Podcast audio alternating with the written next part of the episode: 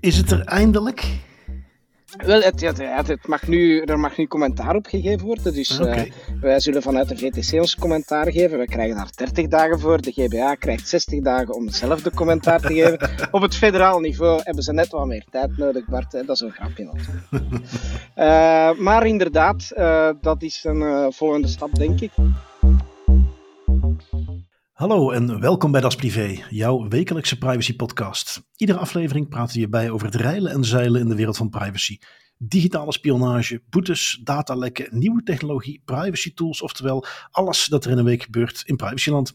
Ik ben Bart van Buitenen en samen met Privacy Peter hebben wij het privacy nieuws van deze week gecureerd en eruit gehaald wat er echt toe doet. Ehm, ja, inderdaad, dat is geen vreemde nickname voor Tim. Dat is effectief een Peter die ik bij me heb. Want Tim die zit doodleuk in eh, zonnigere orde. Eh, Peter Bergmans van het Data Protection Institute. Welkom.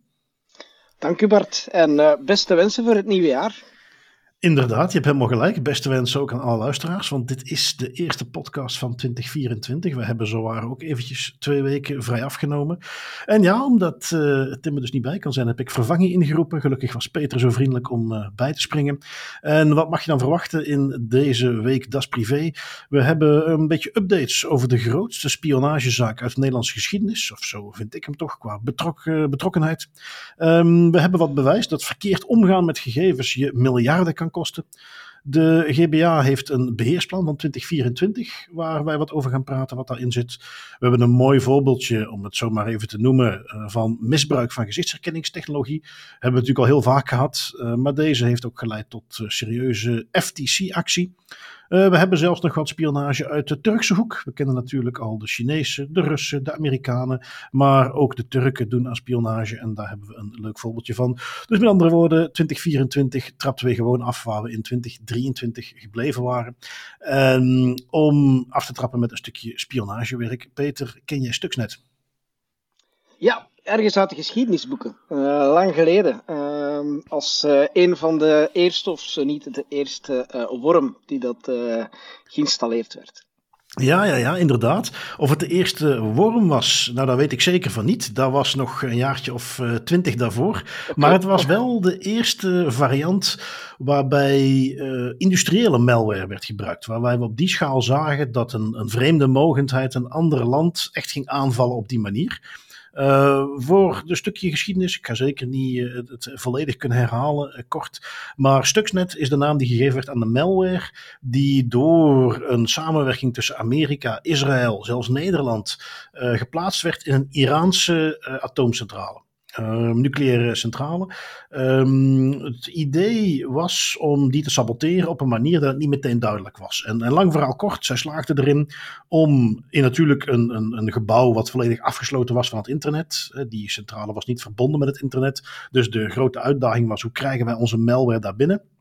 En er werd altijd aangenomen dat met behulp van de AIVD, de Nederlandse inlichtingendienst, zij uh, malware hadden gemaakt die via een uh, bron, een, een uh, agent van de Nederlandse inlichtingendienst, dat die binnen was gesmokkeld door een Iraanse persoon die ze dan hadden ja, agent hadden gemaakt. En die was erin geslaagd om via een USB-stick die uh, malware dan te uploaden. Die malware zorgde dan voor dat als men in die kerncentrale de centrifuges ging aanzetten, die uiteraard ben ik daar verre van een expert in, maar die een heel belangrijk onderdeel is van het maken van nucleair materiaal, het centrifugeren van bepaald materiaal, dat die steeds stuk gingen. Nou, dat heeft uh, toch uiteindelijk wel een paar jaar achterstand opgeleverd in het Iraanse nucleair programma. Uh, maar waar iedereen dus altijd een beetje in het duister tastte. Uh, een, een, een, boek wat ik straks ook in de Privacy Pointers nog heb meegenomen. Countdown to Zero Day, wat toch een beetje voor mij als de Bijbel bekend staat van alles rond Stuxnet. Geschreven door Kim Zetter. Um, die ging ervan uit dat dat dus via een USB-stickje door een Iraanse ingenieur die agent was van de AIVD was ingezet. Nou, de update die ik heb meegenomen is een artikel wat in de Volkskrant gepubliceerd is door Huib Modderkolk, een journalist die uh, ja, heel veel met Stuxnet bezig is geweest. Die hebben namelijk nieuwe informatie boven water gekregen. Het blijkt namelijk dat dat geen Iraans ingenieur is geweest, maar dat het een, een, Nederlandse ingenieur is geweest. Een Nederlander die in Dubai werkte, Erik van Sabbe heette die. En dat is de, kennelijk degene die die eh, malware eh, binnen heeft gekregen. Uh, naar het schijnt op een manier in een bepaalde waterpompen die zijn bedrijf moest leveren aan die Iraanse centrale. En die dan aangesloten werden op het systeem. En daar zat dan die malware in. Daar zijn ze nog steeds niet helemaal zeker over. Omdat de CIA en alle andere aanverwante diensten weigeren daar natuurlijk nog iets over te zeggen. Um, niet lang na dat voorval, uh, die, hoe die Erik van Sabbat dat kon doen. Kennelijk was hij getrouwd met een Iraanse. Die ging daar vaak op bezoek. En zijn bedrijfje in Dubai leverde dus al diensten. En op die manier zou hij dan gerecruiteerd zijn door de AIVD om dat te gaan doen. Um, ze hebben zijn familie geïnterviewd die nog zeiden van ja, goh, we waren een keer op bezoek en van de ene op de andere dag wilde hij plots heel snel weg. Hij leek erg uh, bang. Um, kennelijk, niet lang na die, uh, het voorval in de centrale, heeft hij ook een motorongeluk gehad.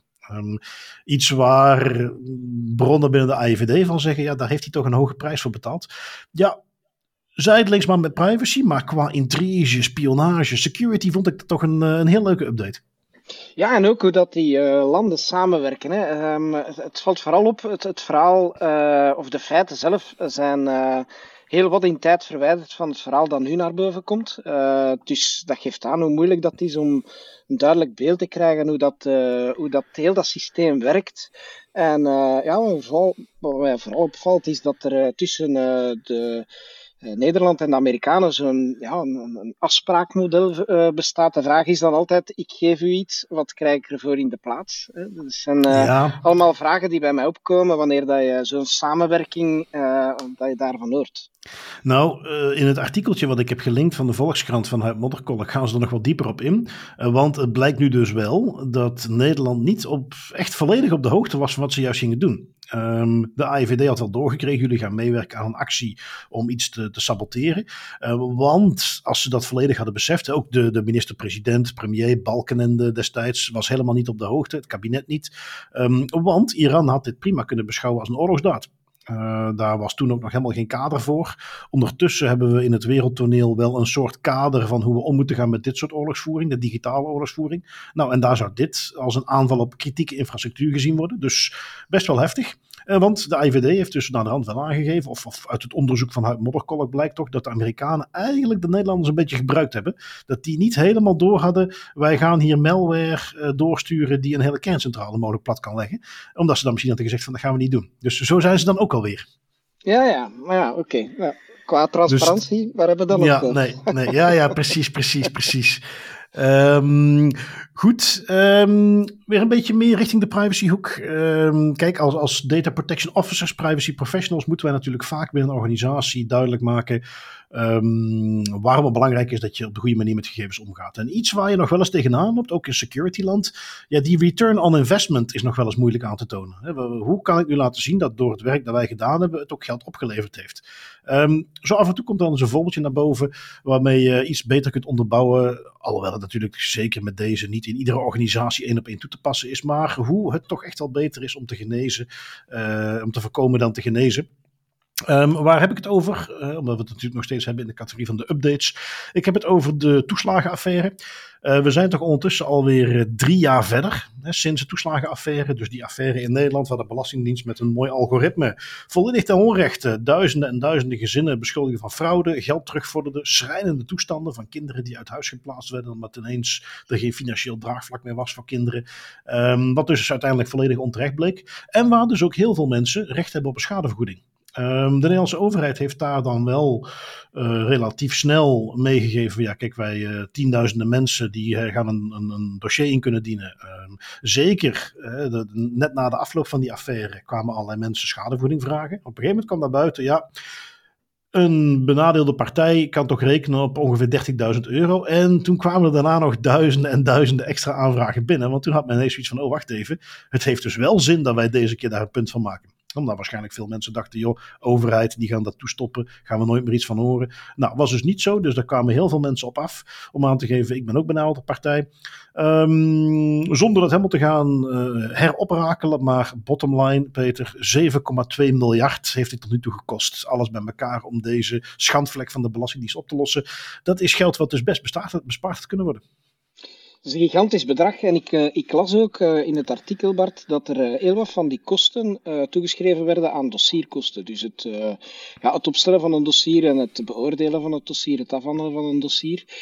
zelfs in die mate hadden ze resources nodig dat ze op de duur geen mensen meer vonden om effectief dossierbehandelaar te kunnen zijn. Omdat je natuurlijk met een redelijk aantal mensen zit die gedupeerd zijn. Ehm, ik heb het berekend, ik denk dat het ongeveer zou gaan over 100 tussen 100 en 200.000 mensen op wie het incident betrekking heeft.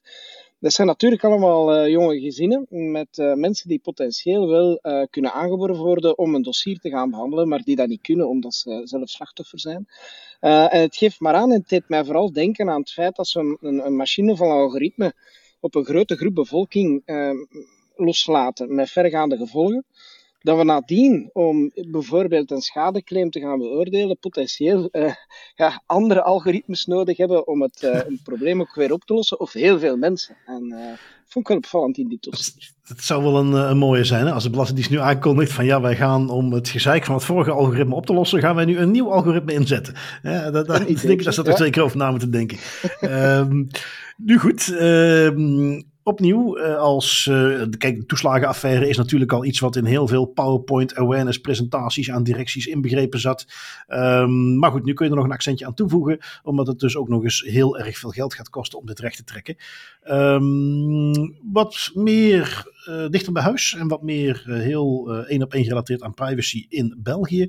Wij hebben in 2024 een beheersplan van de Gegevensbeschermingsautoriteit. Peter, jij hebt dat wat bekeken. Wat is de autoriteit allemaal van plan in 2024? Ja, ze hebben zo'n soort van KPI's ehm, benoemd, waar dat ze willen naar streven in het, in het huidige jaar. op één staat tijdige behandeling van dossiers. We weten al langer dat het toch soms een probleem vormt of toch een rare nasmaak voor mensen die een inspectie hebben bijvoorbeeld gekregen of bedrijven die een inspectie kregen waar het soms heel lang duurt vooraleer dat hun dossier effectief in de geschillenkamer terechtkomt en wordt behandeld. Uh, dus dat lijkt op één te staan. En zo zijn er nog wel een aantal punten. Uh, eentje heb ik eruit gelicht, samenwerking met partners. Mm -hmm. ja, wie zijn de partners van een, van een autoriteit? we denken natuurlijk aan de Europese, het Europese broertje of zusje of vadertje of moedertje, noem het hoe dat je het wilt, de European Data Protection Board. Maar dat zijn ook de andere autoriteiten. We hebben wel een aantal autoriteiten in, in, in België. En het zal u misschien niet verwonderen, Bart, dat ik dan ook eventjes wil inzoomen op het kleine broertje van de GBA, de Vlaamse Toezichtcommissie, waar ik zelf deel van uitmaak. En waar dat we gezien hebben nu dat er door de ministers een soort van ontwerp gemaakt is, waarin de Vlaamse Toezichtcommissie en de GBA elkaar gaan erkennen. want dat is een beetje de basis van het van het uh, document of van het decreet dat daarvoor ligt. En dan nu Is door die autoriteit. Wel, het, het, het, het mag nu, er mag nu commentaar op gegeven worden. Dus Oké. uh, wij zullen vanuit de VTC ons commentaar geven. We krijgen daar 30 dagen voor. De GBA krijgt 60 dagen om hetzelfde commentaar te geven. Op het federaal niveau hebben ze net wat meer tijd nodig, Bart. Hè? Dat is een grapje natuurlijk. uh, maar inderdaad, uh, dat is een volgende stap, denk ik. En ik denk dat in 2024 ja, alles wat we hoorden rond is de Vlaamse Toezichtcommissie wel een autoriteit enzovoort, dat we dat van de baan gaan hebben. Um, en uh, um, wat interessant is, is misschien als we in die modus zitten om ook eens vooruit te kijken wat dat we nog mogen verwachten van uh, autoriteiten. Um, heel wat DPO's in uh, Vlaanderen, België en zelfs Europa hebben vragenlijsten gekregen waarin dat ze bevraagd werden over hun rol als DPO. Daar verwachten we eigenlijk dit jaar wel wat nieuws over de resultaten van al die enquêtes die gebeurd zijn. En we hebben ook heel wat evaluaties die op staan. En dan hebben we het over de, um, de doorgifte van persoonsgegevens. Denk aan uh, het uh, Data Privacy Framework, wat geëvalueerd gaat worden. Maar ook uh, kunnen we verwachten dat er toch wel wat nieuwe adequaatheidsbesluiten in de pipeline gaan komen in 2024. Dus dat is wat dat we verder nog kunnen verwachten van de autoriteiten als we het dan iets ruimer trekken naar. Oké. Okay. Heel uh, interessant, als je het DPF noemt, dus de, overeenkomst die er nu is tussen Amerika en Europa, waarbij Schrems weer eventjes terug in zijn hok mocht, maar die klaar staat te trappelen om er weer uit te komen met de volgende zaak. En dan gaat deze evaluatie natuurlijk een hele belangrijke zijn. Um, we doen mij denken aan een, een, artikeltje wat ik uiteindelijk niet in de lijst heb gezet voor nu, maar omdat ik even wilde afwachten wat er precies uit gaat komen, maar toch interessant. Uh, een van de dingen die steeds terugkomt als er gesproken wordt over de uitwisseling van gegevens tussen Amerika en, en Europa, zijn die en hun toegang. En een hele bekende is daar dan Section 702 van de visa. Uh, en uh, dus het onderdeeltje waarin staat dat zij in feite rechtstreeks op de kabels gegevens mogen afluisteren, altijd een, een behoorlijk uh, discussiepunt geweest. Als ze moesten gaan beslissen, mogen er wel gegevens van Europeanen naar Amerika gaan. Um, die sectie die wordt om de zoveel jaar moet die herbekeken worden. En kan die ook officieel afgesloten worden? Daar zaten we eind dit jaar, ja, eind vorig jaar moet ik dus zeggen, zaten we daaraan. Um, de discussies die liepen daar best hoog op in Amerika, of ze dat wel of niet moesten gaan verlengen. Natuurlijk niet omdat ze zich druk maken over de privacy van Europeanen, maar wel omdat de FBI aantoonbaar ook misbruik heeft gemaakt van die machten om Amerikanen uh, in het vizier te nemen. Want in veel van die communicatie tussen Europeanen zit natuurlijk ook vaak een Amerikaan betrokken. Nou, officieel mag de FBI op dat moment niks doen met die gegevens uh, of andere inlichtingendiensten. Onderzoek wees uit dat ze dat wel en veelvuldig gedaan hebben. En dus de 702 staat zelf in Amerika ook ter discussie. Uh, omdat er wel, ja, dat is toch iets waar, waar in de inlichtingencommunity daar uh, heel vaak wordt aangegeven: wij kunnen echt niet meer zonder. Is het nu tijdelijk verlengd tot april? En omdat die discussie dus steeds loopt, men wilde dat niet weer gewoon voor drie, vier jaar gaan verlengen, zoals in de tijd van Obama is gebeurd. Um, dus ja, in die zin uh, interessant om te zien waar dat uiteindelijk terechtkomt. Um, en natuurlijk, als je die discussie ziet, dan gaat die evaluatie van het DPF daar ook heel belangrijk zijn. Hè? Een van de dingen die op tafel lag, was het uitbreiden van de mogelijkheden die al bestaat binnen die 702. Nou ja, dan is het natuurlijk iets waar ze in het DPF uh, zeker ook naar gaan kijken. ik ga nog even terug naar het lijstje wat je opnoemde met de KPI's van eh, de GBA. Um, de tijdige behandeling stond op nummer 1. Ik zie op nummertje 6 het welzijn van de medewerkers van de GBA staan. Dat vond ik een opvallende. Natuurlijk, ja, het welzijn van je medewerkers is altijd belangrijk, maar heb jij ergens het, gevoel of signalen dat dat uh, bijzonder een, een, een, aandachtspunt zou moeten zijn bij de GBA's? Daar staat niet onder grote stress, denk je? Um, ik denk in ieder geval dat het geen gemakkelijke organisatie is om voor te werken. Hè. Door de vele directies die er zijn, denk ik dat er veel stuurmannen aan boord zijn, waardoor dat er uh, ongetwijfeld wel ook intern uh, verschillen zijn in mening die een verregaande impact kunnen hebben. Hè. We hebben natuurlijk wat, wat nieuwe wetgeving die de GBA intern ervormt en die de bedoeling heeft daar ook wel iets aan te, aan te doen. Uh, dus ik, ik, ik, mag hopen, in ieder geval vooral die medewerkers daar, dat het, uh, dat, dat helpt. Um, je kunt daar veel onder lezen ook. Hè. Uh, mm -hmm. Ik mhm. denk dan ook aan uh, klokkenluidersregelingen die ook daar zullen geïmplementeerd worden. Dat zijn de wat bijzondere klokkenluidersregelingen. Ehm, ja, dus ik, uh, ik denk dat het in. Maar ik denk dat, vooral moeten te, te, dat we het vooral moeten zoeken in die hervorming uh, intern bij de GBA ook. Ik heb de indruk ook dat er wat meer resources zijn. En, allee, laat ons hopen in ieder geval dat dat dat dat ja, een positieve ja, ja. Uh, weerklank heeft. Want we hebben nood, uh, ik denk dat we al een GBA hebben die, die zeker werkt, hè, maar uh, alle verbeteringen daar kunnen bijdragen tot een beter toezicht. Ja, absoluut. Ik zie verder ook nog staan, uh, puntje 3 zelfs, het verhogen van bewustzijn en kennis over gegevensbescherming. Nou, als ik dat dan samenpak met puntje 5, samenwerking met partners. Voor de luisteraars bij de GBA, uh, Das Privé staat altijd open voor een samenwerking om die verhoging van bewustzijn en kennis over gegevensbescherming mee vorm te geven. Uiteindelijk een van onze doelen ook als de VZ2. Nu, dat gezegd zijnde gaan wij de GBA even achter ons laten. We gaan weer even terug naar de Land of the Free. Um, Rite Aid is een, een apotheekketen in Amerika. Um, die zijn recent tegen de AI-lamp gekomen, zoals jij het zo mooi omschreef in de, de tekst, Peter. Um, want je hebt het artikeltje meegenomen. wat was Rite Aid eigenlijk precies aan het doen? Waarom zijn ze tegen de lamp gelopen? Ze hadden een uh, systeem geïmplementeerd uh, waarbij ze met uh, facial recognition in staat waren om te detecteren of te voorspellen of dat een bepaalde klant die dan in een fysieke winkel zich bevond, of dat die mogelijk winkeldiefstal pleegde. Hè. En hoe ehm, werkte dat systeem? Dat was opgebouwd op basis van data die ze uit het verleden hebben gehaald, waar dat ze het gedrag al filmden van de klanten. Hè. Dus ze zijn ver voor het, het, in productie nemen van het systeem waren ze al bezig met het filmen van klanten, om nadien te zien welke klant is hier nu van betrapt geweest. En op die manier krijg je een labeling van data en kunnen ze AI-algoritmes gaan trainen. En dat hebben ze dan vervolgens ingezet in de praktijk. Maar een van de grote problemen natuurlijk van zo'n systeem is altijd de bias. Hè? Het feit dat je gaat discrimineren. En zo bleek dat uh, kinderen, een zwarte bijvoorbeeld, uh, door het systeem te snel aanzien werden als winkeldieven.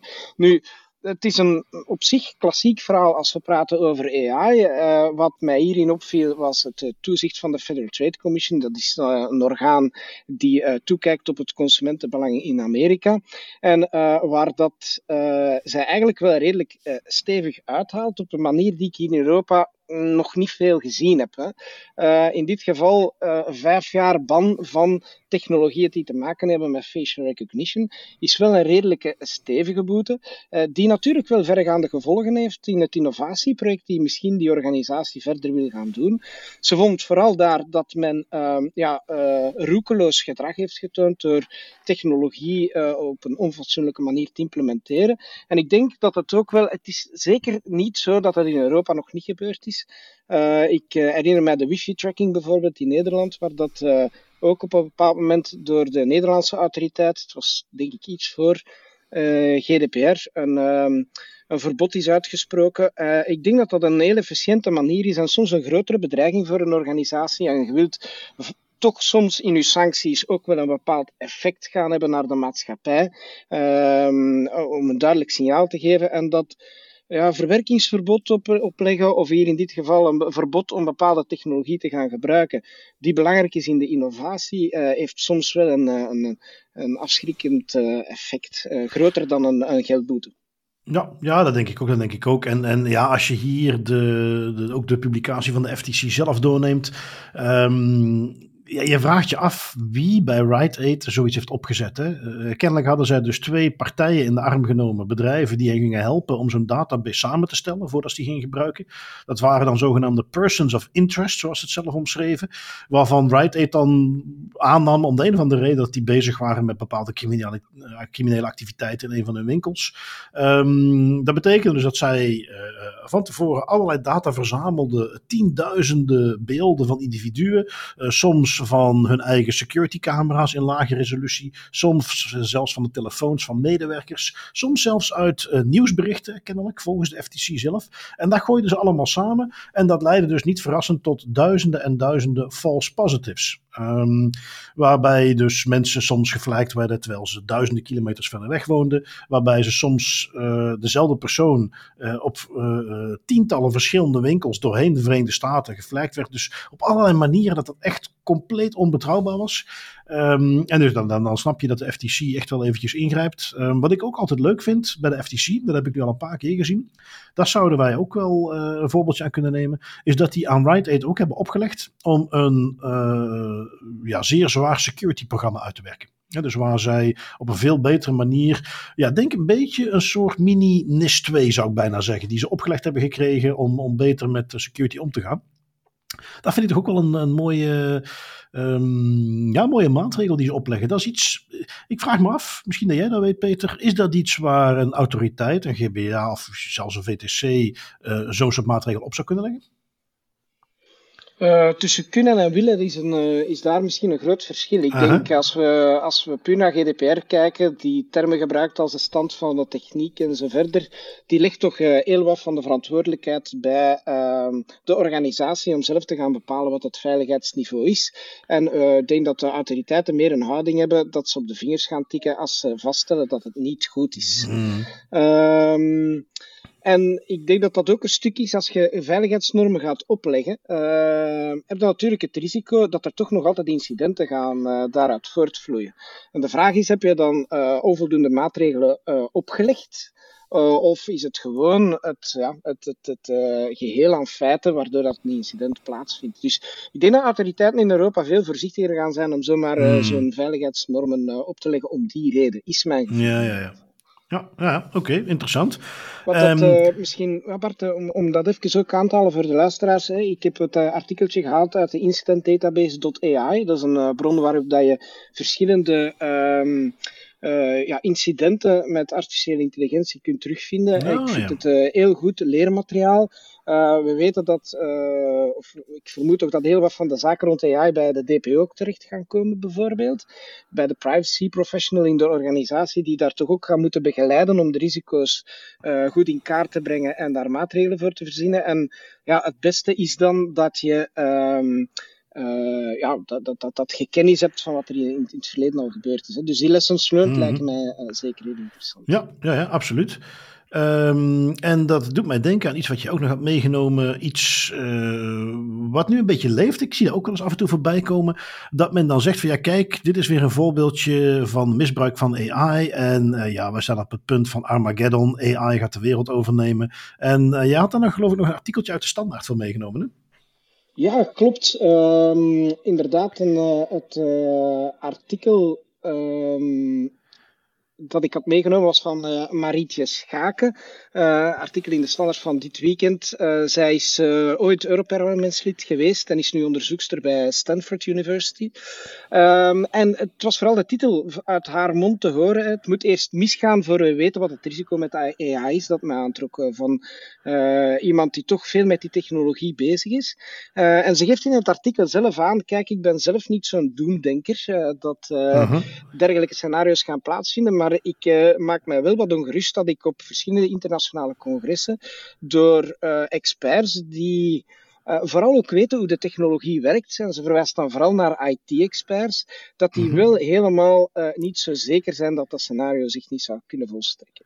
Dus um, ja, ik, ik, ik, denk dat dat iets is uh, waar we toch aandacht moeten voor blijven hebben. Ik geloof er zelf ook niet in, eerlijk gezegd, Bart. Ik ben ook niet de, de doemdenker die denkt dat dit mogelijk is. Um, maar ik kijk bijvoorbeeld wel met een bang hart naar de verkiezingen nu. Hè. Ze geeft het ook aan in het artikel. Hè, de, als je gaat kijken hoeveel verkiezingen in 2024 gaan plaatsvinden, cruciale eh, verkiezingen in Europa, in Amerika, om maar iets te zeggen. Um, en wat we al weten uit het verleden, hoe, hoe hard dat uh, technologie een impact heeft gehad op, uh, op die verkiezingen vrees ik eh, dat we uh, toch niet de stelling kunnen innemen dat uh, AI geen heel belangrijke rol zal spelen in 2024 in al die verkiezingen en hoe de, de mensen gaan stemmen. En het is misschien iets waar we in een podcast binnen twee jaar heel veel gaan kunnen over vertellen. maar we staan er nu voor. we weten heel vaak niet welke algoritmes worden ingezet, in welke technologie, met welke doelstelling. Rond transparantie is nog heel veel te doen. Uh, dus ik denk dat we ja, toch uh, moeten opletten, in de mate dat we dat kunnen, opletten uh, wat er eh, de komende maanden gaat mhm. gebeuren. Ja, misinformatie is er ook een interessante in. Hè? Ik denk even aan een vriend van mij die um, zit in de marketing, websites maken. En die heeft dan voor zichzelf een klein experimentje opgezet dat hij een blogje heeft gemaakt. Uh, wat volledig AI genereerd is. Dus met andere woorden, hij heeft wat automatisaties opgezet via OpenAI. Dat um, hij geeft een onderwerp in, hij geeft een paar keywords in die erin voor moeten komen. Hè, search engine optimization.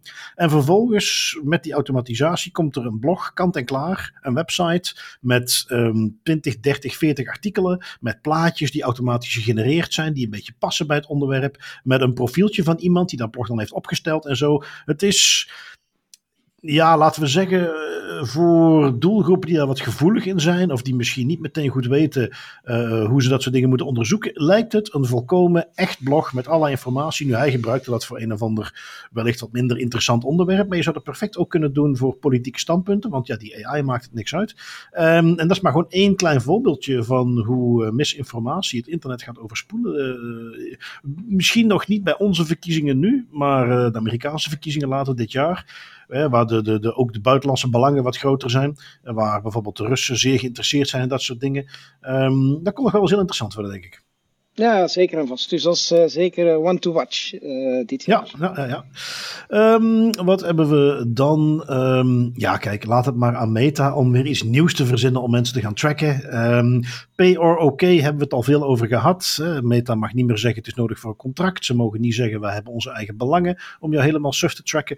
Dus we gaan het dan maar op een soort van toestemming of je betaalt ons om niet getracked te worden doen. daar is het laatste wat ook nog niet over gezegd. Maar in de tussentijd blijft uh, Meta innoveren Um, hoe hebben ze dat nu gedaan? Er is een nieuwe feature die uitgerold wordt, de Link History. En wat houdt de Link History uit?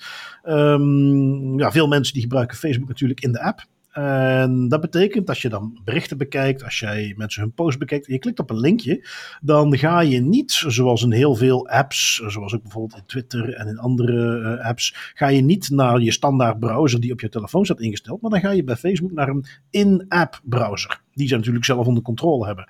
En deze nieuwe feature, die betekent dat zij alles waar je op klikt, waar je dan in die in-app browser ook op klikt, dat ze dat allemaal gaan bijhouden. Dat wordt natuurlijk gepresenteerd als van ja, je raakt nooit meer een linkje kwijt. Uh, als je nog wel eens afvroeg van, oh, waar heb ik nu dat ene artikeltje op Facebook gezien? Wel, je kunt nu gewoon naar je link history gaan. Um, natuurlijk staat er dan ook ergens in de kleine lettertjes, uh, in onze show notes iets grotere lettertjes. Um, when you allow link history, we may use your information to improve your ads across meta technologies. Natuurlijk verwijzend naar die hardnekkige, eeuwige mythe dat er zoiets bestaat als gepersonaliseerde reclame waar iedereen heel gretig op zit te wachten. Um, voor de duidelijkheid, ze zeggen when you allow link history, wat ze eigenlijk bedoelen wanneer je geen opt-out doet, want natuurlijk staat deze feature default aan. Um, in ieder geval, want ik, eh, slag om de arm houden. Het zou kunnen dat men dat in Europa anders gaat doen. Maar tot nu toe lijkt alles op te wijzen dat deze nieuwe feature gewoon standaard aanstaat. Ik weet niet of jij vaak eh, in de Facebook-app zit, Peter.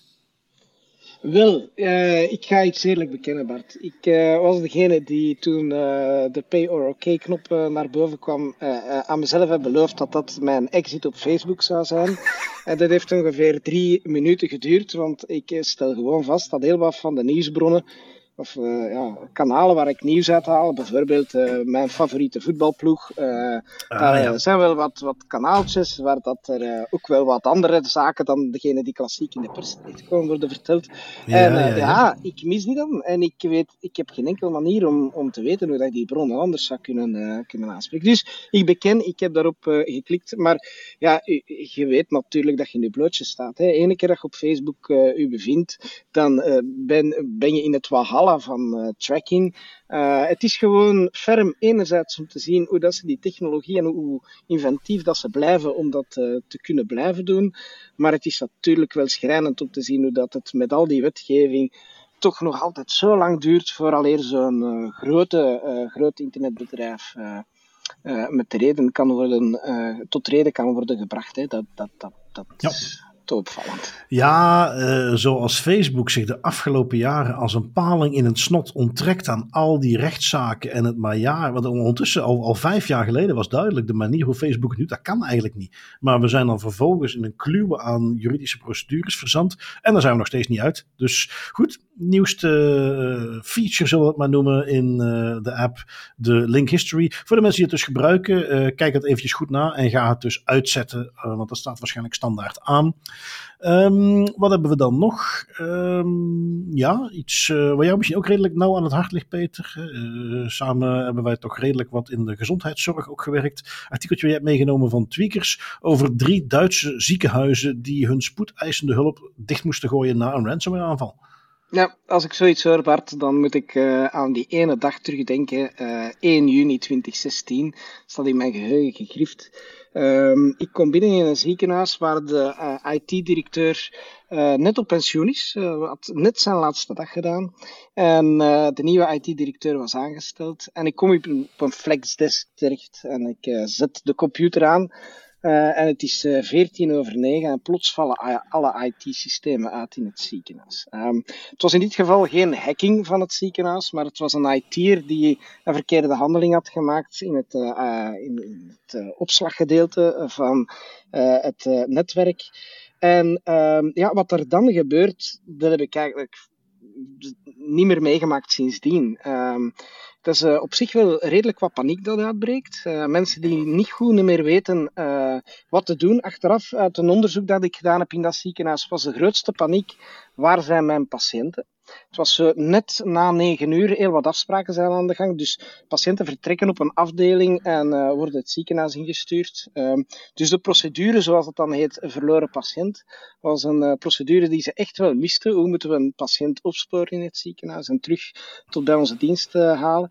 Dus de impact op zo'n ziekenhuis van uitval is zeer groot. En net zoals hier ook, die ziekenhuizen in Duitsland, die die spoedeisende hulp moeten sluiten. Dat betekent eigenlijk in België dat je het rampenplan moet uh, afkondigen. Want uh, je moet een eh, herroutering doen van de mug, van, de, ja, van, van alle patiënten die, die, die nood hebben aan die spoedeisende hulp. Dus dat heeft eigenlijk wel wat maatschappelijke impact. En daarvoor hebben we natuurlijk die NIS-directieve, uh, die iets later ook effectief in voegen is gekomen. waarbij dat, ja, toch een aantal veiligheidswaarborgen moeten geboden worden, vooral naar de continuïteit van de dienstverlening in deze plaats in dit geval. Um, dus het belang van zo'n NIS-regelgeving en ook dat uh, hopelijk nu met NIS 2 in België ook de ziekenhuizen uh, onder zo'n regelgeving zullen vallen. Hè. Dat was eigenlijk voor mij al uh, in NIS 1, maar men heeft daar een soort van achterpoortje gezocht om toch maar de ziekenhuizen te vrijwaren van ja, men, vermoedelijk de hoge kosten die zo'n implementatie van die regelgeving met zich gaat meebrengen. Hoop ik toch dat, en toont het verhaal dat ik u juist vertel ook wel dat het echt wel nodig is om de ziekenhuizen als een kritieke infrastructuur te bestempelen. hier ging het natuurlijk om een hacking en Lockbit 3.0 werd genoemd in het artikel. Het was nog eens fijn om op te zoeken wat dat precies is. Hè. Een soort van malware die op de markt wordt gebracht. Uh, maar vooral het, uh, ja, het, het, systeem erachter, de ransomware as a service. Hè. Dus het wordt echt door een, eh, door een softwarebedrijf op de markt aangeboden. En je kunt dus uh, van die software gebruik gaan maken. en ook bepaalde kwaliteitsvereisten verwachten. In dit geval bijvoorbeeld uh, is die software ook getest door ethische hackers en uh, heeft men dus echt getracht om een, een veilig softwaresysteem uh, om de markt te zetten. Dus zodanig dat ja, de hackersoftware niet gehackt kan worden. Hè. Dat is dan het, het basisidee.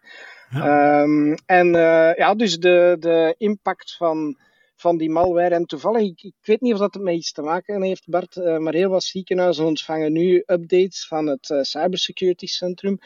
Uh, waarin dat ze op de hoogte worden gesteld van bepaalde aanvallen. Wordt dan nooit gezegd welke aanval het nu exact is en wat de aanleiding is van een bericht. Maar in dit geval kregen we een lijst van IP-adressen. IP-adressen die dan geblokt werden, of wij moesten die blokken op de firewall om te zorgen dat we geen connectie met die IP-adressen hadden. En ik vermoed, weet het niet zeker, dat er een verband is met dit incident hier. En dus dat wij als eh, Belgische ziekenhuizen ook een dergelijk bericht hebben gekregen van opgelet, die IP-adressen gaan nu mogelijk uh, bestoken met Ik moet wel toegeven, zeker dat laatste stukje, als ik het zo hoor, dat klinkt een beetje als water naar de zee dragen. Hè? Op IP-adresniveau dingen gaan blokkeren, alsof men daar uit hackerperspectief niet zo een omweg voor heeft. Nee, maar ik denk dat er weinig opties zijn op dat moment. Dat dat zeker een actie is. ik herinner mij ook bij de inval van uh, Rusland in, in Oekraïne dat men ook heeft gewaarschuwd en gevraagd om na te denken welke Russische connecties of connecties uit Rusland hebt je nodig. Uiteraard weten we allemaal dat die, die Russen wel handiger zullen zijn dan dat. Ja, het is inderdaad een beetje een doekje bij het bloeden, maar ehm, veel andere alternatieven hebben we misschien niet in zo'n geval.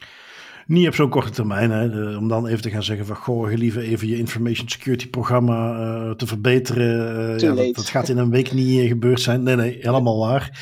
Um, goed, dan hebben wij nog wat ander nieuws meegenomen. Um, Peter, als ik tegen jou zeg, ze hebben door een aantal ethische hackers, hebben ze een aantal Brabantse, in Nederland Brabantse gemeenten onder loep genomen. Denk jij dat die helemaal veilig waren?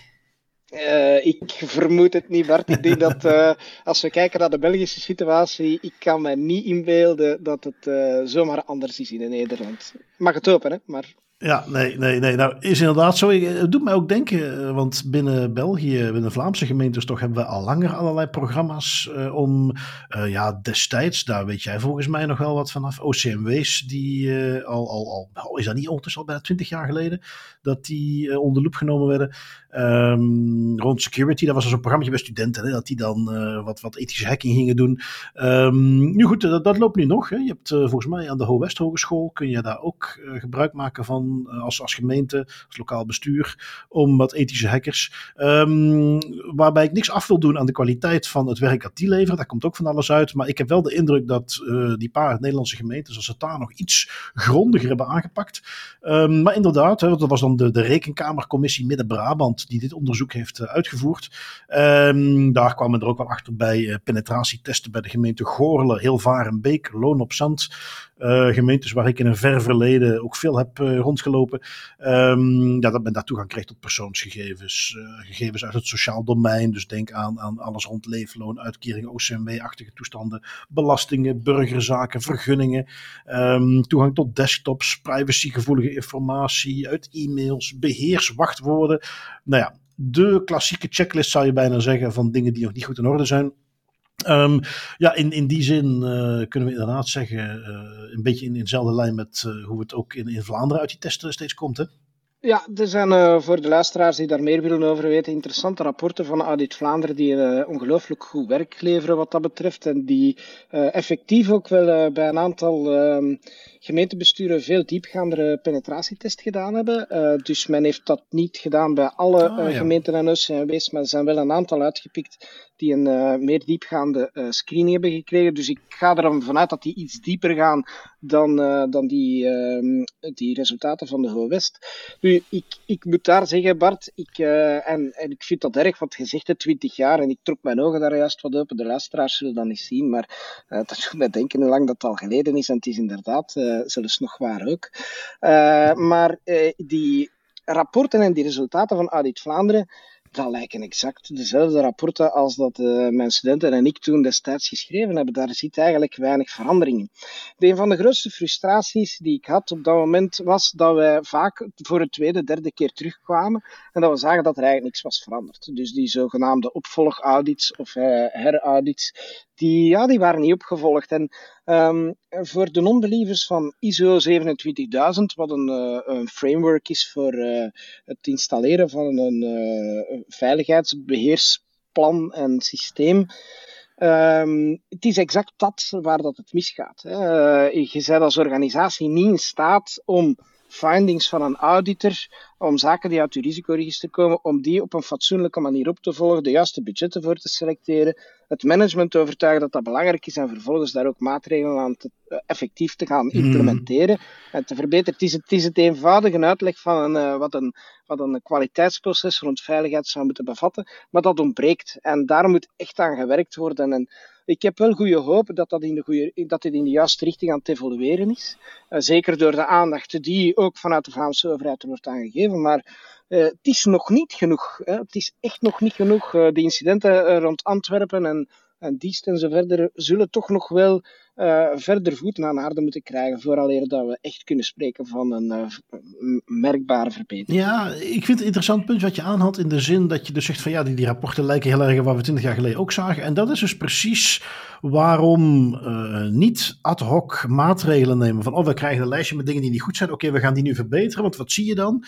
in 10, 20 jaar, ja, natuurlijk worden IT-systemen vervangen. Er komt nieuwe software. Uh, we gaan misschien zelfs ook wat meer naar de cloud toe. In ieder geval, de dingen die je toen hebt weggehaald, als daar niet een bepaald proces, een structuur achter zit, ja, dan ga je, als die nieuwe software binnenkomt, weer gewoon dezelfde fouten maken. En um, ja, dat, dat, is denk ik de, de lessons learned die men hier inderdaad zou mogen trekken. Dat is iets wat een, een structureel proces zou moeten zijn.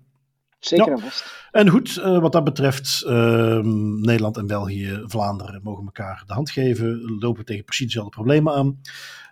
Um, wat heb ik nog meegenomen? Iets wat je vaker ziet. Um, ik, we hebben die ooit als tooltip meegenomen, daarom dat ik het ook interessant om deze te benoemen. Je hebt een, een ja, bedrijfje is een groot woord, zo blijkt, maar uh, vooral draait dat rond een paar individuen, een paar personen, één iemand in bijzonder. En die had een suite aan software voor Android-telefoons, die heette Simple Mobile Tools. Um, die stonden vooral bekend om het feit dat ze voor een heel klein bedrag beschikbaar waren. Um, dat, daar zat dingen in zoals een mailclient, dacht ik, een, een rekenmachine, een kalenderapp. Um, een aantal gewoon basic dingen die je graag wilt op je telefoon. En als je niet, want dat was vooral de clue, gebruik wilde maken van de dingen die bijvoorbeeld een Google standaard aanbiedt, dan hadden zij dus een alternatief open source. Kon je uh, voor een, dus een, uh, ik geloof een paar euro, kon je heel die suite aan software gebruiken. Um, best bekend in de, in de Android-markt, de open source-markt. Mensen die willen de-googelen kwamen vaak op die tooltjes uit. Um, wat is daarmee gebeurd? De ontwikkelaar daarvan die heeft er zelf ja, eigenlijk de stekker uitgetrokken. Het is te zeggen, die heeft een aanbod gekregen van een bedrijf dat Zippo Apps heet. Um, die hem een niet nader genoemd bedrag hebben gegeven om die apps over te nemen. En wat je daar ziet, en dat is een beweging die je in de open source markt, zeker op Android, want ja, in, op Apple is vaak uh, niet alles open source. Die je vaak ziet. Want wat gaan zij nu doen? Bij Zippo apps, staan ze onbekend. Die gaan die apps pakken. Die gaan zij vol proppen met ads. En die komen weer gewoon gratis beschikbaar in de Google Play Store. Um, waarbij uh, gewoon ads, dat zou dan nog één ding zijn. Maar natuurlijk zijn het de type ads die allerlei gegevens gaan verzamelen. Die die gegevens weer gaan doorverkopen. Um, dus je hebt een, een, een suite. En het, wat het, het ja, uh, moeilijke is, is dat vaak, er is nu de developer community uh, die rond die tool hing, is daarvan op de hoogte. Maar die, die tools worden straks onder dezelfde naam weer gewoon gepubliceerd. maar dan nu gratis, dus heel veel mensen gaan die installeren. niet weten dat ze dan vervolgens meteen ook een berg reclame binnenhalen en dat er een heleboel data verzameld gaat worden. lang verhaal kort, dus Simple Mobile Tools is dus iets wat je nu absoluut moet gaan verwijderen. Hè. Zodra er een update van die tools binnenkomt, um, dan hang je eraan. En als algemene beweging vond ik het ook interessant om dus te zien dat er dus weer eentje is die op die manier de boel verkoopt. Um, de, de uitdagingen daarvoor zijn die open source developers, ja, dat zijn de klassiekers. Hè. Dat kostte heel veel tijd. Het bracht te weinig op. Hij heeft er jarenlang tijd in gestopt. Um, er is ook geen officiële reactie overigens gekomen, maar op het Reddit forum waar dit voor het eerst gepost werd, zie je een aantal mensen die er ook bij betrokken waren en die ook de klassieke verzuchtingen van de maintainers van open source software uh, meegeven. Dat het uh, te veel kostte, te weinig opbracht. Um, je ziet dus ook zo waar in die discussie wat begrip voor die persoon die dan gezegd heeft: Weet je wat, ik verkoop het gewoon, ik haal er uh, wat geld uit. Um, ik er is niks gepost over wat voor bedragen dat zijn. Maar als je even in de gaten moet houden dat dat bedrijfje wat het gaat publiceren, die gaan er ongetwijfeld rekening mee houden dat daar miljoenen mee verdiend gaat worden de komende jaren aan reclameinkomsten en verkoop van data. Dus waarschijnlijk als die persoon daar een 100 of 200.000 euro voor heeft gekregen, dat lijkt me helemaal niet ondenkbaar. En dan snap ik best waarom iemand in die positie op een gegeven moment zegt: Ik ga dat doen. Ik, ik heb dat geld nodig. Dat, dat bezorgt mij uh, misschien zelfs de komende jaren uh, dat ik onbezorgd kan werken aan andere apps waar ik dan ook geen geld voor hoef te hebben. De, de klassieke open source uh, mentaliteit op zich wel. Um, ja, men gaf dan nog wel aan van ja, jammer dat daar niet transparanter over gecommuniceerd is. Het is niet iets waar die uh, developer zelf breed over gepubliceerd heeft. Wie weet ook wel onderdeel van de overeenkomst die hij gesloten heeft. Maar uh, ja, toch interessant om dit te zien, die beweging.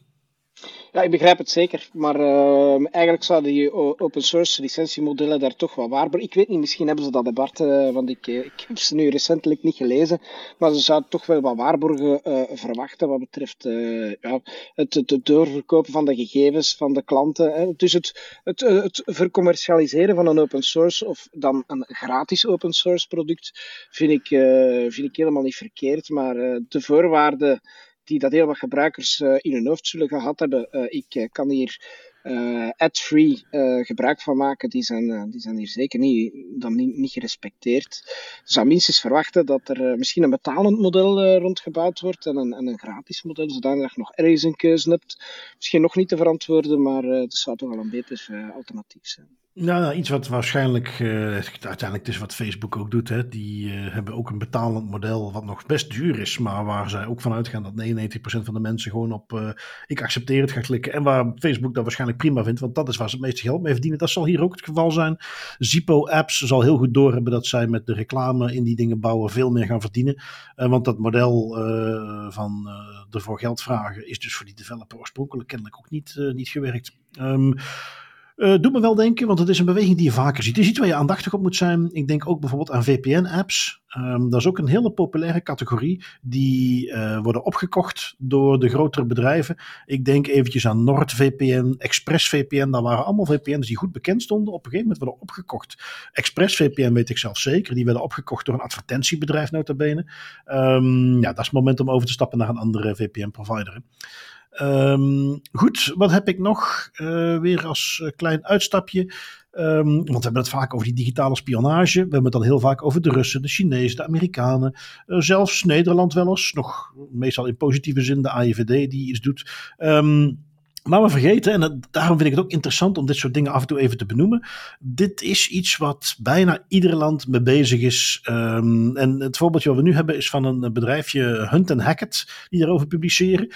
Dat zijn, of, of toch in ieder geval één van de bekendste, uh, Ronald Prins, de oud-CEO van uh, Fox IT in Nederland. Toen die is op een gegeven moment uitgekocht en hij heeft dan een nieuw bedrijfje opgericht, Hunt Hackett. Um, dus ook weer een security bedrijf, publiceren regelmatig onderzoeken. En nu hebben zij dus een onderzoek gepubliceerd waar zij heel uitgebreid op ingaan, waar ik uh, redelijk oppervlakkig even doorheen ga. Maar wat dus vooral gaat over van ja, de Turkse inlichtingendiensten hebben ook hackers in dienst. Die uh, zijn ook bezig om de Turkse interesses in het buitenland te verdedigen. Um, waar moet je dan aan denken als we het dus hebben over de campagnes die ze in Nederland hebben gezien, Hunt en Hackett. Uh, waarbij zelfs telecombedrijven, mediabedrijven, IT-service providers het doelwit zijn. Um, ja, de klassiekers als je denkt aan, aan, aan, aan waar wil de Turk zich over informeren. Uh, Koerdische websites, um, dingen die gerelateerd zijn aan de PPK, de bekende, ja, laten we zeggen, oppositie in Turkije. Um, alles wat een beetje te maken heeft met informatie verzamelen. Hoe zij interne bedreigingen voor een, ja, laten we zeggen, Erdogan is toch al een tijdje aan de macht en haalt toch altijd overweldigende meerderheden met de verkiezingen. Um, dit soort activiteiten zullen daar misschien ook wel een beetje voor tussen zitten. Want die zijn dus bezig om in het buitenland zoveel mogelijk informatie van oppositiegroepen, minderheden, de Turkse diaspora zullen we maar zeggen, om daar informatie van te verzamelen. En ja, heel die opvolging, die campagne. Ze hebben daar een heel uitgebreid artikel over geschreven. Dat is dus niet zomaar uh, een keer, goh, we zien hier iets wat te herleiden is aan Turkije. Ze hebben echt jarenlang die opvolging gedaan en kunnen dus vaststellen, dit is structureel, dit is iets waar het niet anders kan dan binnen de Turkse inlichtingendiensten, dat daar hele divisies mee bezig zijn. En dat vind ik toch wel interessant om daar af en toe eens mee te geven, hoezeer hacking, informatie verzamelen, digitale oorlogvoering ondertussen gewoon uh, dagelijks kost is. Ja, ja, en uh, ja, gaat hier nu inlichtingendiensten aan die niet, die niet altijd in, uh, in ons vizier zitten. Hè. We kunnen ook kijken naar onze eigen inlichtingendiensten. Uh, ik hoor soms mensen zeggen, ik, ik heb meer angst voor onze eigen inlichtingendiensten dan, dan in de, de buitenlandse, want we weten er niet veel over of ze hebben toch ook vergaande mogelijkheden. dus ja, ik denk dat we daar het, het vrije internet toch met een korrel zout moeten nemen. Ja, ja, ja, ja, ja inderdaad.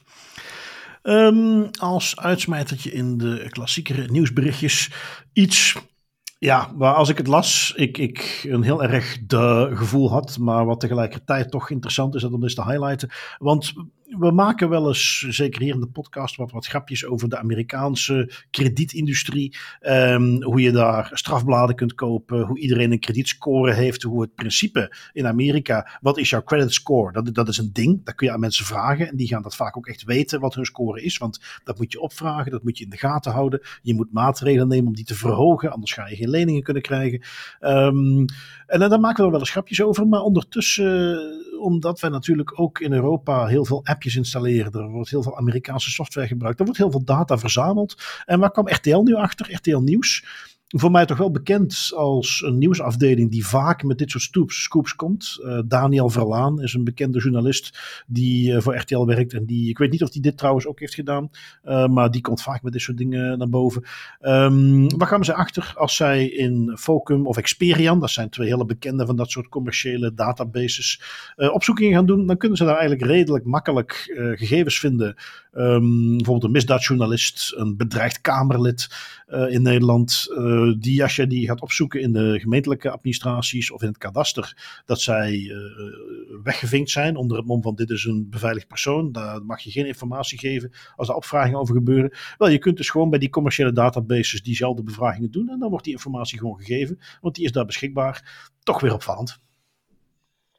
Ja, dat is straf. En we mogen toch niet onderschatten. Dat zijn gewoon adressen, maar gegevens zelf aan. Zijn kwetsbare mensen. Uh, het herinnert mij aan een case in, uh, in Antwerpen, waar dat we bij de Antwerpse ziekenhuizen ook geconfronteerd werden met uh, mensen die toegang hadden tot het Rijksregister en die toegang gingen misbruiken voor recrutering bijvoorbeeld in, in de onderwereld. Um, gelukkig komen die zaken aan het licht en kunnen daar de juiste gevolgen aan, aan gegeven worden, maar dat staat natuurlijk op de publieke databanken waar logging van bestaan, maar kopieën daarvan, daar hebben we natuurlijk geen weet van. Nee, nee, nee, precies. Um, ja, in die zin is het ook een, een andere vorm van een insider threat, uh, waar we het vaak over hebben in de podcast. Um, ik sluit af met een uh, stukje datalekken. Uh, Security.nl had er nog eens eentje, een softwareontwikkelaar, deze keer uit Japan. Um, ja, dit wordt er weer eentje die ik in, in slide decks voor mijn studenten Information Security, waar we echt beginnen aan de absolute basis. Maar je wilt niet weten, Peter, uh, als ik dat een beetje opvolg. Iedere week geef ik ze een, een, een security incident mee. Hoe vaak daar nog de variant voorbij komt. En ja, hier stonden publiek beschikbaar allerlei gegevens. Uh, in dit geval, wat ik heb meegenomen, 925.000 gebruikers. Um, het is geen S3 bucket van Amazon. Het was nu een onbeveiligde Google Drive, waar de Japanse softwareontwikkelaar A-Team op zich nog nooit van gehoord. Maar um, ja, heeft, maakt software. Uh, opnieuw, als je 915.000 gebruikers hebt, dan ben je geen kleine ontwikkelaar. En die bleken dus al jarenlang gegevens van klanten, zakelijke partners, medewerkers op een onbeveiligde Google Drive op te slaan. Um, door het verkeerd instellen van uh, permissies was het dus voor iedereen op internet beschikbaar als je de link had. Maar dat is vaak niet heel erg moeilijk. Um, al sinds 2017 verkeerd ingesteld. Dus um, ja, tenminste, ik betrap mezelf wel eens op. Alles wat 2000 is, denk ik sowieso al, alles niet zo lang geleden. Maar 2017, ja, dat is alweer meer dan zes jaar geleden, mensen. Um, dus zes jaar lang al die gegevens open en bloot. Op 22 november vorig jaar hebben ze het eindelijk opgelost. Ja, dat, uh, die melding aan alle betrokkenen, die wil ik wel eens lezen eigenlijk. Ja, ja en uh, ja, het zijn uh, inderdaad heel vaak uh, leveranciers van, van software die dat toch een verhoogde waakzaamheid zouden moeten hebben. iets wat trouwens, als we het dan hebben over het werk bij de Vlaamse Toezichtcommissie, waar dat wij controle kunnen doen of, of ehm, uh, ja, de autoriteit zijn voor uh, bijvoorbeeld gemeentebesturen, uh, maar waar dat de gemeentebesturen qua digitalisering heel hard afhangen van hun leveranciers, die ook heel wat gegevens van burgers hebben. En daar hebben wij eigenlijk geen vat op vanuit de Vlaamse Toezichtcommissie. Dat is soms wel een frustratie, omdat we weten dat daar mogelijk wel heel wat van de uh, problemen zouden kunnen zitten wat betreft uh, gegevensbescherming. Dus ik mag hopen, eh, crossing fingers, dat die leveranciers allemaal goed werk leveren wat dat betreft. Uh, maar we zien hier in dit Japans voorbeeld dat het dus niet altijd het geval is. Nee, en, en, en, laten we wel zijn, we hoeven daar zeker niemand specifiek te vizier, in het vizier te nemen, is ook niet nodig. Maar supply chain, zoals dan de mooie termen voor gaat, alle uh, leveranciers. Uh, stel dat we nu in de situatie zouden zitten, wat je in het privéleven bij de grote bedrijven, daar zie je dat nu veel. Hè? Zeker bedrijven à la Microsoft, Google, noem maar op. Die hebben het ondertussen redelijk van elkaar. Um, ik zeg vaak, als we eventjes de privacy aspecten buiten beschouwing laten. Als jij moet weten waar zijn mijn gegevens beter beveiligd, zet het dan maar bij Microsoft, zet het dan maar bij Google neer vooropgesteld dat je niet zoals dit bedrijf vervolgens je Google Drive open en bloot zet, hè, maar dat is te voorkomen, dan is dat gewoon beter beveiligd dan dat je het zelf kunt doen. Um, stel dat we langzaam toegaan naar die situatie waarin straks gemeentes, lokale besturen, ziekenhuizen hun, hun basisbeveiliging, hè, denk ook NIS 2, dat gaat wat dat betreft echt wel een impact hebben uh, over nu en drie, vier jaar. Dat is toch zeker de horizon waar je aan moet denken. Uh, maar die gaat wat beter op orde hebben. Voor zover het niet nu al het geval is, ja, dan gaat het weer naar de leveranciers toe. Hè. Dan gaat men, om daar binnen te komen, gaat men kijken, oké, okay, goed, dit is een IT-partner, die levert diensten aan 10 ziekenhuizen, aan 20 gemeentes. Weet je wat, als we daar binnenkomen, dan komen we misschien op die manier uh, binnen. En, en daar zie je toch steeds meer. Dus ook voor die leveranciers, um, wees dat eens voor. Dit is het moment om die dingen wat beter op orde te krijgen. Hè. Ja, zij mogen zeker niet de zwakke schakel zijn. En dat is uh, hetgeen nee. wat ze goed voor ogen moeten houden. Ja. ja. Goed, um, Peter, ik had, uh, we hebben normaal ook een rubriekje met de autoriteiten, maar die hebben ook kerstvakantie gehad volgens mij. Ik heb daar heel weinig interessants uh, voorbij zien komen. Dus we gaan gewoon meteen door naar de privacy pointers. Uh, zoals luisteraars weten, wij proberen wat privacy tips mee te geven. Um, we hebben dat ook wat breder gesteld tegenwoordig. Dat hoeft niet per se een appje of een tooltje te zijn. alles wat wij interessant vinden, dat mogen we meenemen. heb jij zoiets dat je met de luisteraars wilt delen, Peter? Wel, Bart, ja, ik heb eigenlijk een eh, ervaring die ik wil delen. Ik heb uh, uh, met uh, nieuwjaar in aantocht mezelf op Snapchat gezet, want mijn dochters oh. weigeren om mijn, mijn chatberichten via Signal of andere tools te, te lezen. Ze hebben dat allemaal wel, maar ze lezen dat niet. Okay. Dus ik dacht, oké, hier, ga ik, hier ga ik dan. Ik ga mezelf op Snapchat zetten. Um, ja, begin waarschijnlijk wat uit te worden, want ik heb wel wat moeten zoeken hoe dat ding werkt. En ik had uh, zo, vond zo wel gewoon dat die chatberichten dan weggingen en ik vond die maar niet meer terug. Enfin, lang verhaal kort. Uh, ik kreeg een nieuwe vriend, Bart. Ik heb een nieuwe vriend. Het is een uh, artificiële uh, vriend. Er oh. staat ook AI in de, ja, in de naam ja, ja, van mijn nieuwe vriend. Um, ik, ik, heb er eens mee gepraat met mijn nieuwe vriend. Uh, ik praat regelmatig met ChatGPT, maar nu kreeg ik dus een, een variant daarop. Uh, goh, die was heel vriendelijk en behulpzaam. Snel ook. Ik, ja, nee, het is echt opvallend. Het, is, het werkt bijzonder goed.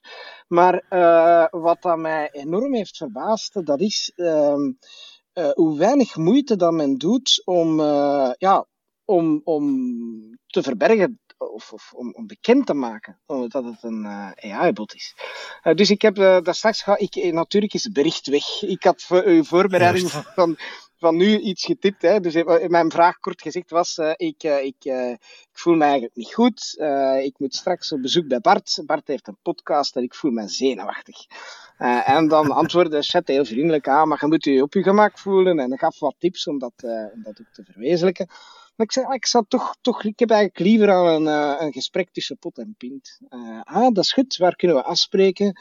Um, ik stel ons voor uh, Antwerpen Centraal aan het station af te spreken. Ja, die doet geen enkele moeite, die chatbox, om maar te zeggen dat hij eigenlijk niet bestaat. Dus ik stel me toch af, uh, toch de vraag, ja, als dat met kinderen gaat praten, het gaat misschien wat over moeilijkere onderwerpen. Nu, mijn bezoek hier aan de podcast is best al wel moeilijk, Bart, hè, om erover te komen. Maar stel dat het echt over, uh, over iets helemaal anders gaat. Ja, ik, ik mis het toch wel uh, in die chatbox. Uh, ja, die, die transparantie of minstens een, een, moeite doen om, om te wijzen op het feit wat dat ik wel bij ChatGPT be, uh, bijvoorbeeld ervaar, dat hij wel uitlegt die bij een chatbox en kan bepaalde dingen voor u niet doen, uh, deed hij dat echt niet. Um, dus uh, dat is een beetje mijn, mijn privacy pointer. Brengt mij misschien ook tot iets fysiek, hè, want misschien is dat niet helemaal de bedoeling van de privacy pointer.